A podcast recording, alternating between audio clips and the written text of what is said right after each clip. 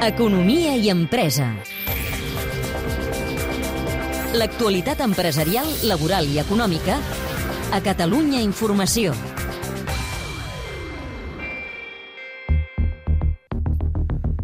Imagineu-vos que us feu una fractura o que us fa mal alguna cosa i que us cal una immobilització. Imagineu-vos que el metge no us enguixa, que us escaneja el braç o la cama amb una tauleta. Imagineu-vos que us l'acaba immobilitzant amb una fèrula feta a mida, una mena de malla de plàstic reixat imprès en 3D. És la proposta de l'empresa catalana Excalet. Al capdavant hi ha Jordi Tura, de formació dissenyador, amb experiència en disseny gràfic, disseny web i impressió 3D, i amb diversos projectes empresarials a l'esquena quan...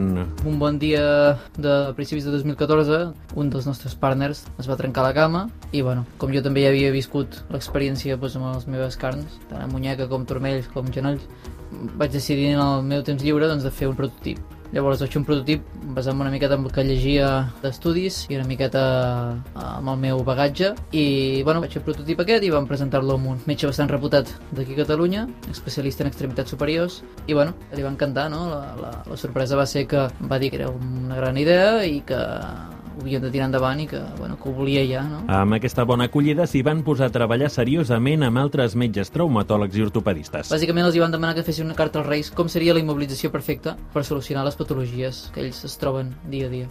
Llavors ens vam ficar a desenvolupar això i vam fer la immobilització doncs, pensant en tots aquests gaps, no? en aquests problemes que hi havia actualment. Problemes més banals d'estètica o comoditat com el pes, la higiene, la picor... Per exemple, tots tenim l'escena d'agafar una forquilla o, o un pal o el que sigui i rascar-se dintre perquè els està picant. Vale? Això al final és perquè la pell no respira i això es produeix una esquematització de la pell amb la nostra solució esquelet això no es produeix, perquè la pell respira en tot moment igual. O problemes més seriosos que comporten els guixos, els termoplàstics o les ortesis. A nivell sanitari, pues, no es produeixen ni edemes de ventana, ni ulceres de cúbit, ni processos derivats dels processos inflamatoris.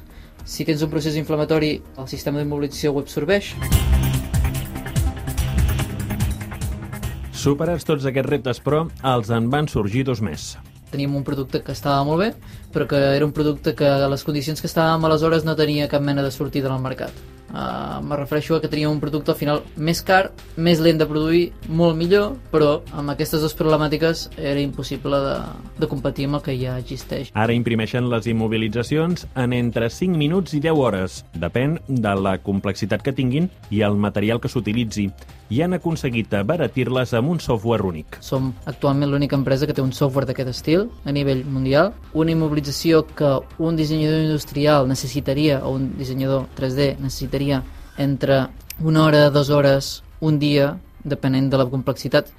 Nosaltres tot això ho fem automàticament amb un procés d'un minut, el procés de Cloud System, la peça es construeix. Un cop tot ajustat amb les certificacions necessàries i després d'alguns testos, ja estan a punt per sortir al mercat. Per dir-ho d'una manera tendra, hi ha llocs que és més senzill que altres d'introduir i realment els mercats més senzills on introduir medical device és als Estats Units. Bàsicament perquè el 90% és privat i estan molt més oberts amb la introducció de nous productes. Segons quins altres països és més complexa.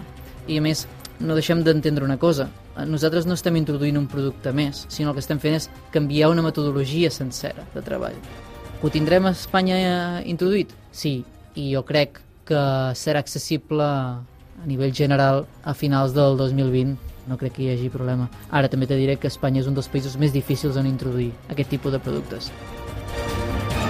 És un reportatge de Jordi Canal amb el muntatge tècnic de Salva Pou. El teniu ja disponible al podcast de l'Economia i Empresa.